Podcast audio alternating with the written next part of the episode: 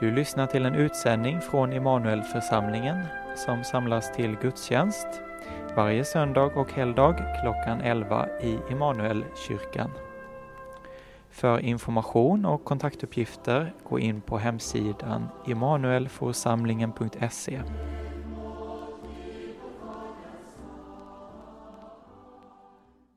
Lyft era hjärtan till Gud och hör dagens heliga evangelium. Så skriver evangelisten Johannes kapitel 5 från vers 31. Och jag läser ända fram till och med vers 40. Jesus sade, om jag själv vittnar om mig är mitt vittnesbörd inte giltigt. Det är en annan som vittnar om mig och jag vet att hans vittnesbörd om mig är sant. Ni har sänt bud till Johannes och han har vittnat för sanningen. Jag tar inte emot vittnesbördet från någon människa, men jag säger detta för att ni ska bli frälsta. Han var en lampa som brann och lyste, och en kort tid ville ni glädja er i hans ljus. Själv har jag ett vittnesbörd som är för mer än Johannes vittnesbörd. De gärningar som Fadern har gett mig att fullborda, just de gärningar jag utför, vittnar om att Fadern har sänt mig. Fadern som har sänt mig har vittnat om mig. Hans röst har ni aldrig hört och hans gestalt har ni aldrig sett och hans ord har inte förblivit i er eftersom ni inte tror på den som han har sänt. Ni forskar i skrifterna därför att ni tror att ni har evigt liv i dem och det är dessa som vittnar om mig. Men ni vill inte komma till mig för att få liv. Vi ber först. Kära gode himmelske far, tack för att vi får lov att ha ditt ord ibland oss. Vi ber dig att du kommer med din heligande, att du öppnar ordet och öppnar våra hjärtan. Låt oss få se Jesus. I Jesu namn. Amen.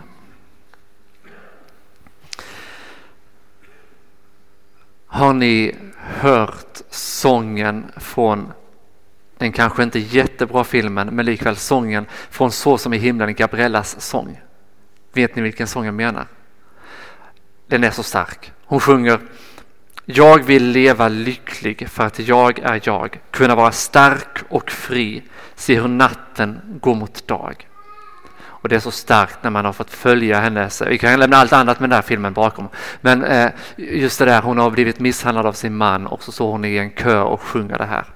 Det är väldigt starkt. Och jag tänker att det fångar upp någonting allmänmänskligt. Vi längtar efter att få känna, jag lever mitt liv, jag får leva stark och med rak rygg. Men hur gör man det egentligen? Och hur hittar man den där glädjen i livet och stoltheten och känslan av att det här är mitt liv?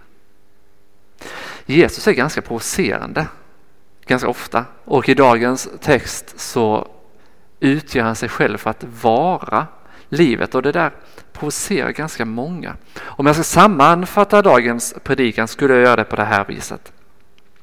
Varken Jesus, människor eller profeter legitimerar Jesus auktoritet. Men gärningarna som han gör, Fadern och skriften vittnar om att Jesus är livet. Och jag ska försöka förklara det här med hjälp av tre ord. Det första är utmaning, det andra utlåtande och det tredje utfall. Så vi börjar med det första, utmaning. När vi förs in i den här texten så är det nästan som om Jesus står liksom anklagad, det är nästan en domstolssituation. Jesus är ordentligt utmanad och försvara sig. Sammanhanget är att Jesus har mött en man som är sjuk. Han har botat den här mannen och sagt åt honom att ta sin bädd och gå. Och när människor runt omkring den här mannen ser honom gå och bära på sin bädd så blir de väldigt irriterade för det är sabbat. Och man får inte lov att bära på sabbaten.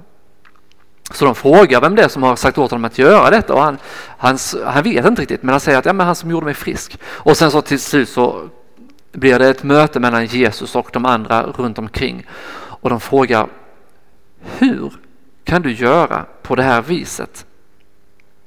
Och Jesus säger min far verkar fortfarande och därför verkar även jag. Och då blir de ännu argare och Johannes skriver, då blev judarna ännu ivrigare att döda honom eftersom han inte bara upphävde sabbaten utan också sa att Gud var hans fader och gjorde sig själv lik Gud. Jesus är alltså både i sin handling provocerande och i vad han säger provocerande. Och man kan säga att Jesus utmanar egentligen hela världsbilden för dem runt omkring honom. Jesus utmanade människornas religiösa världsbild. Han satte sig över lagen och han jämställde sig med Gud. Alltså han menade att människor kunde bära på sabbaten trots att fäderna hade sagt att man inte fick göra det. Han sa att hans far verkade och därför verkade även han och menade att han själv hade ett annat ursprung, en annan legitimitet och auktoritet än de runt omkring honom. Man kan förstå att människor blev djupt provocerade. Bara tänk själv ifall någon skulle komma in och börja ändra i mässordningen och så frågar ni varför gör du det? Jag säger det. Men när Jesus står här utmanad så undrar man ju vilka skäl finns det egentligen att lyssna till Jesus? Om man ska vara beredd att lyssna och faktiskt ta till sig så måste det finnas väldigt goda skäl.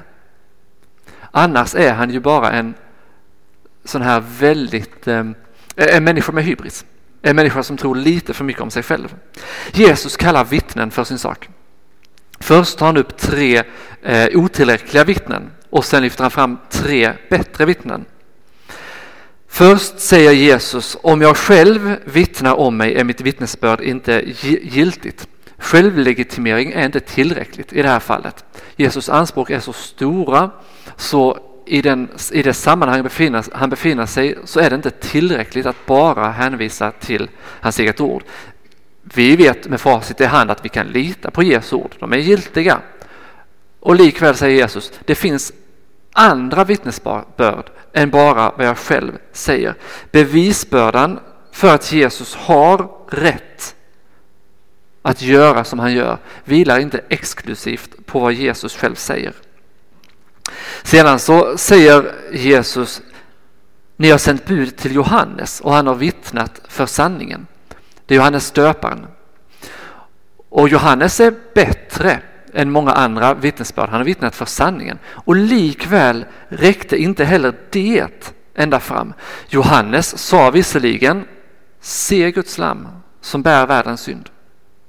Så han, han talade sant, han såg vem Jesus var. Och likväl, säger Jesus, han var en lampa som brann och lyste och en kort tid ville ni glädja er i hans ljus. Men det var en kort tid. Det vittnesbördet räckte ett tag. Men det var inte konklusivt. Det gav inte det slutgiltiga omdömet. Människors vittnesbörd vill inte heller Jesus ta emot. Han säger, jag tar inte emot vittnesbördet från någon människa. Så vi har tre otillräckliga vittnen. Jesus som självlegitimerar sig, Johannes döparen och vilken människa som helst. Och det kanske har att göra med att anspråken som Jesus gör, de är så stora att det måste till riktigt, riktigt starka vittnesmål. Och det kan vi egentligen jämföra med, alltså ju mer vi har investerat ju mer förtroende som vi har investerat i en person eller i ett sammanhang, desto starkare bevis ska vi ha för att fälla det. Ett nutida exempel är ju såklart eh, eh, klubben Forum i Stockholm. Den här kulturprofilen som det blev sånt rabalder om för ett, antal, för ett par år sedan som höll på att skaka hela akademin. Det var människor som hade varit känd i 30 år, 35 år i kultursfären. Bara hur mycket förtroende som helst. När Matilda Gustafsson skulle skriva sitt reportage så räckte det inte med att det fanns en som sa någonting. Hon samlade 18 vittnesmål. Eller den tyska kulturskriften Der Spiegel, de hade en, en journalist som hade vunnit mängder med journalistiska priser. Han var en stjärna. Man såg honom som hoppet för tysk journalistik. Och så skulle han och en kollega göra ett arbete en gång eh, för bara något år sedan. Och så kollegan började tycka att det här är något som inte stämmer. Och började undersöka det här närmare och närmare. Och insett sen till slut att men den här killen bluffar ju bara. Och man upptäckte att många av de här reportagen som han har gjort, som han har vunnit så mycket priser, de har han suttit hemma och ljugit ihop. Alltså, det blev liksom den största krisen i tysk journalistik på årtionden. Men man kommer inte med ett sådant påstående hur som helst. Man behöver riktigt bra vittnen. Riktigt mycket på fötterna. Och Jesus har starkare skäl när han kommer med de här påståendena. För att påstå att en människa ibland andra människor har rätt att säga ta din bädd och gå på sabbaten. Det kräver någonting. Det kräver någonting och det kräver någonting för dig också kanske.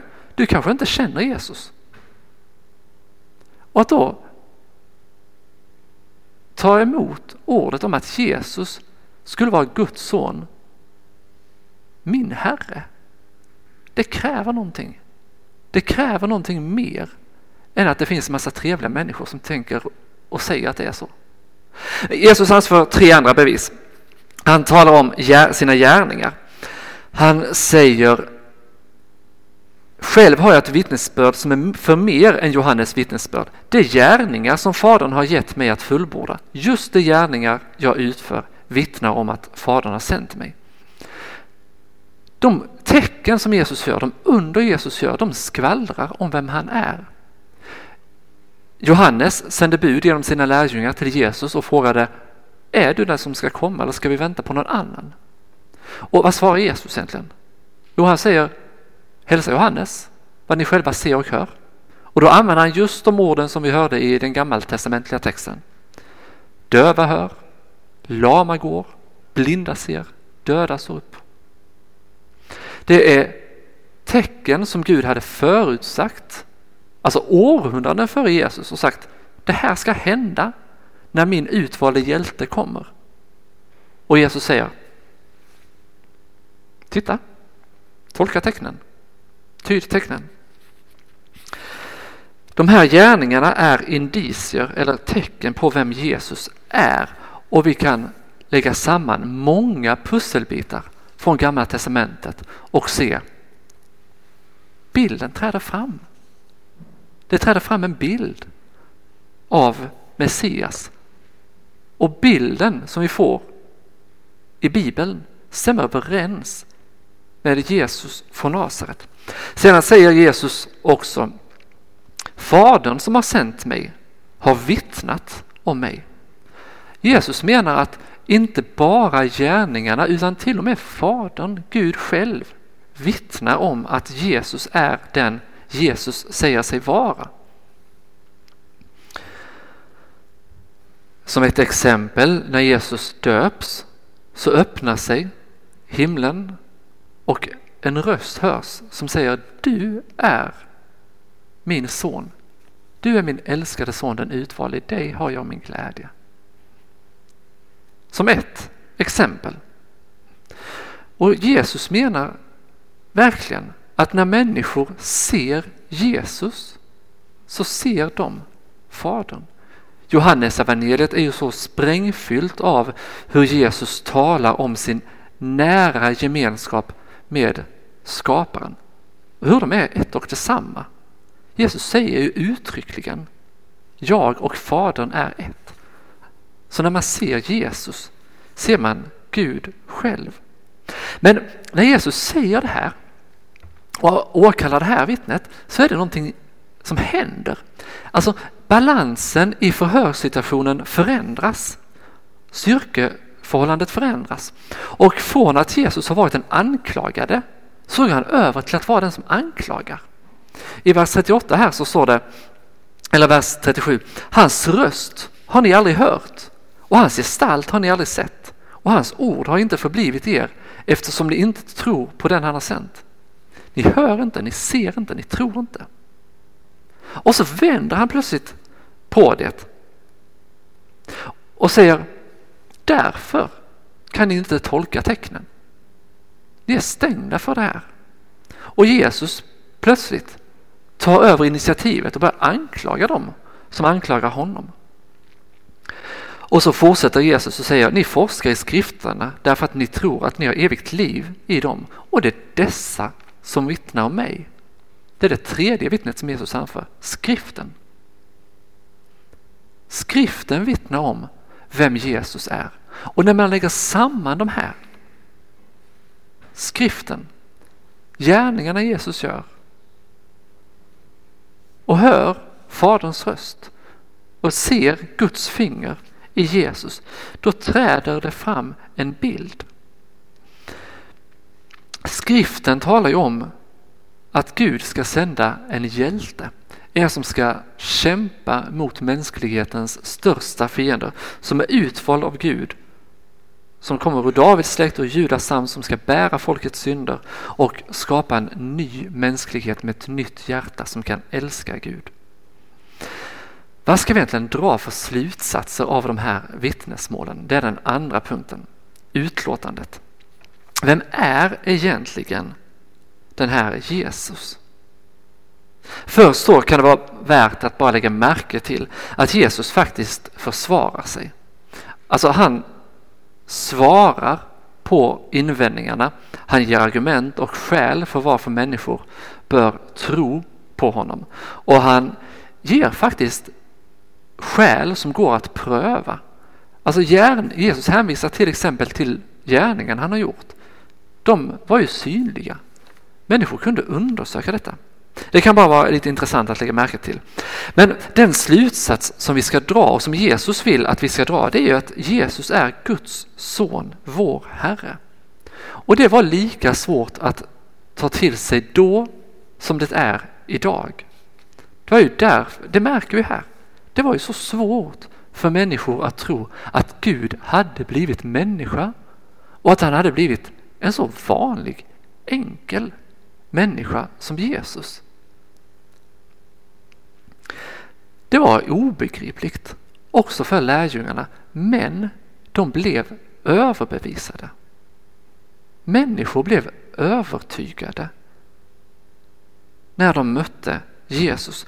Petrus till exempel skriver i sitt andra brev, det var inga utstuderade myter vi kom med, utan vi hade själv hört rösten, vi hade själv sett.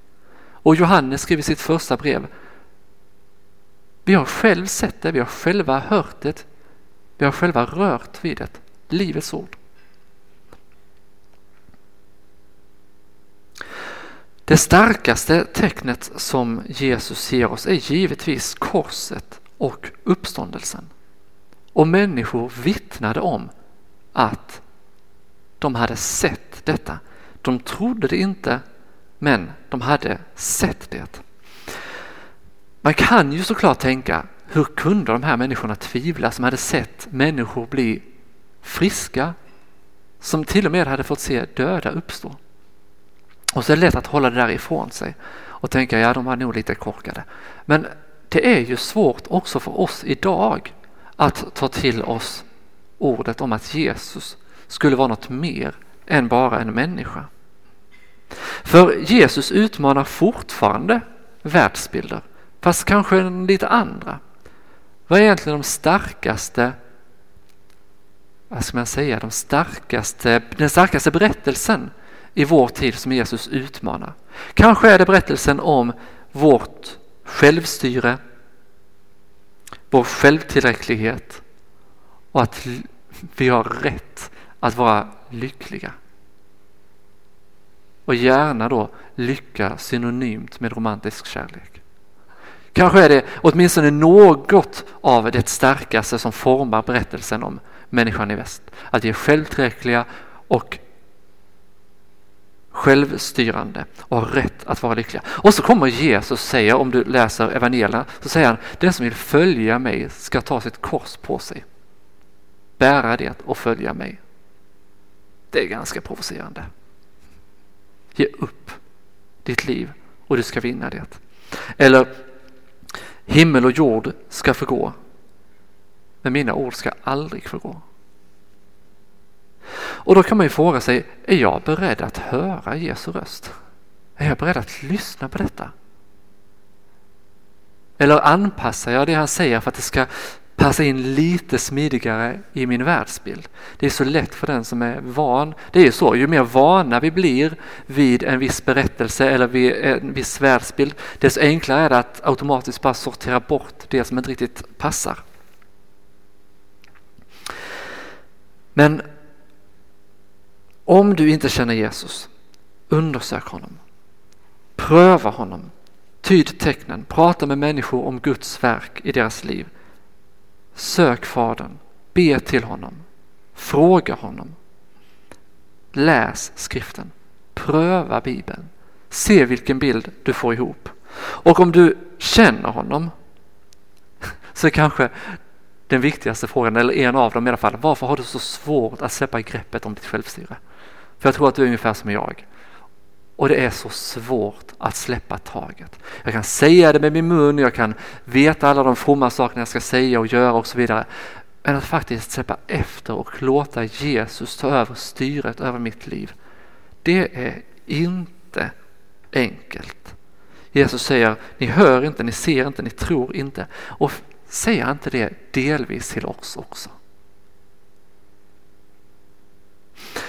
Och så är det så att när vi prövar Jesus blir det till slut han som prövar oss. Och det kanske du kommer få upptäcka också. Att när du verkligen liksom söker och studerar här och tänker hur kan det här stämma egentligen? Så efterhand så upptäcker du att det är inte du som läser och utvärderar Bibeln, Bibeln utan det är Bibeln och Jesus som utvärderar dig. Och det är rätt så bra att det är så. Men det är lite provocerande för Jesus avslöjar en del ganska obekväma saker. Och vi brukar sammanfatta det med att Jesus avslöjar att vi är syndare. Det är att vi är otillräckliga. Jag vill vara självtillräcklig men jag är otillräcklig. Jag vill vara fullkomlig men jag är ofullkomlig. Jag vill vara självstyrande men det finns så mycket som jag absolut inte kan styra över. Ta bara vädret som exempel. Vad blir egentligen konsekvensen av det här? Det är den tredje frågan, utfallet. Alltså där människor är självtillräckliga och självbestämmande så blir människan norm. Och där människan är norm, där blir också klimatet ganska snart ganska hårt. Tänk på vår tid, den är så, den är märkvärdigt moralistisk. Och den är, märk, inte märkvärdigt kanske, men den är rätt fördömande. Passar du inte in i normen eller stångas mot normen så möter du ganska hårda ifrågasättanden. Och när vi kämpar för eller mot den här normen om vår självtillräcklighet och vårt självstyre så blir det också så oerhört viktigt att göra rätt saker, vara på rätt sätt, uppfylla kriterierna. Men det är rätt ansträngande. Det är rätt ansträngande och andra människor blir ett hot, min svaghet blir ett hot, min otillräcklighet blir ett hot och det skapar inte en riktigt god kultur. Bibeln, om vi ska sätta ett teologiskt begrepp på det så skulle vi kalla det för lagiskhet. Alltså vi vill uppfylla en lag och bevisa att vi är bra nog.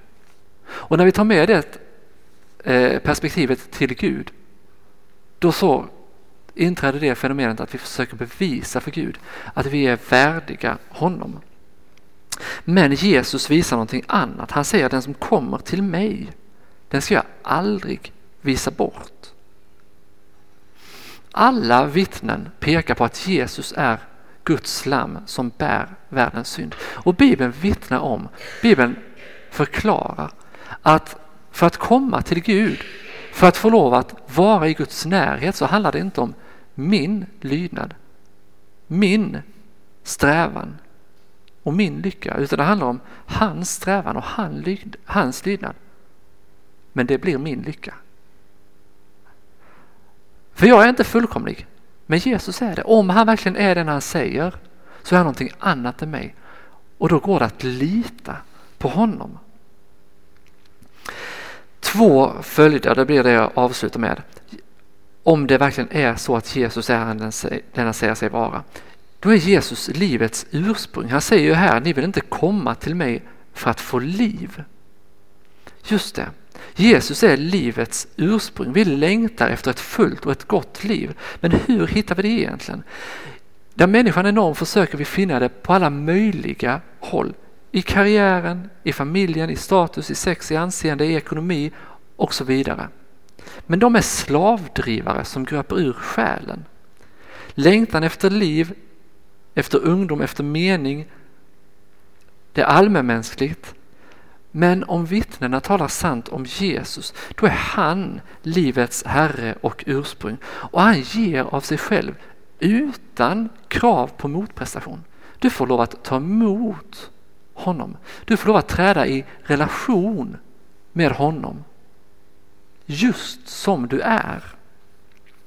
Det andra är att Jesus är liv och inte död. Tänk på det. Alltså, vår natur lever i kretsloppet av död och liv. Ett av de starkaste paradigm som vi lever under är evolutionismen. Och det bygger på utveckling genom död. Det bygger på att tillvarons djupaste princip är överlevnad och utveckling genom död. Men om Jesus är den han säger sig vara, då är tillvarons djupaste princip en självutgivande, lidande kärlek. Det är någonting helt annorlunda. Tänk vilket hopp. Tänk vilken trygghet och vilken glädje. Jesus talar om tecknen och det starkaste tecknet är korset och den tomma graven. Det är det som den nytestamentliga förkunnelsen handlar om. Denne Jesus har Gud uppväckt och vi är alla vittnen till det, säger Petrus på pingstpredikan. Det glada budskapet är att Gud vill väl. I sången så sjunger Gabriella om att hon vill leva, känna att hon lever, känna att jag är jag. Det livet, den tryggheten kommer du inte hitta genom att försöka maximera din självtillräcklighet och ditt självstyre. Men du kommer finna det genom att ge upp ditt självstyre och din självtillräcklighet och söka Jesus. Han kommer att ge dig det fritt och för inte. Lycklig är du om du hör den kallelsen och tar emot den. Amen.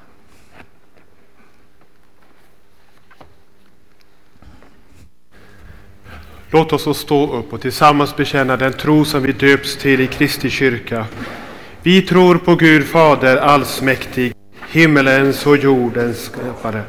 Vi tror också på Jesus Kristus, hans enfödde Son, vår Herre, vilken är avlad av den helige Ande, född av jungfrun Maria, pinad under Pontius Pilatus, korsfäst, död och begraven, nederstigen till dödsriket, på tredje dagen uppstånden igen ifrån de döda, uppstigen till himmelen, sittande på allsmäktig Gud Faders högra sida, därifrån igenkommande till att döma levande och döda.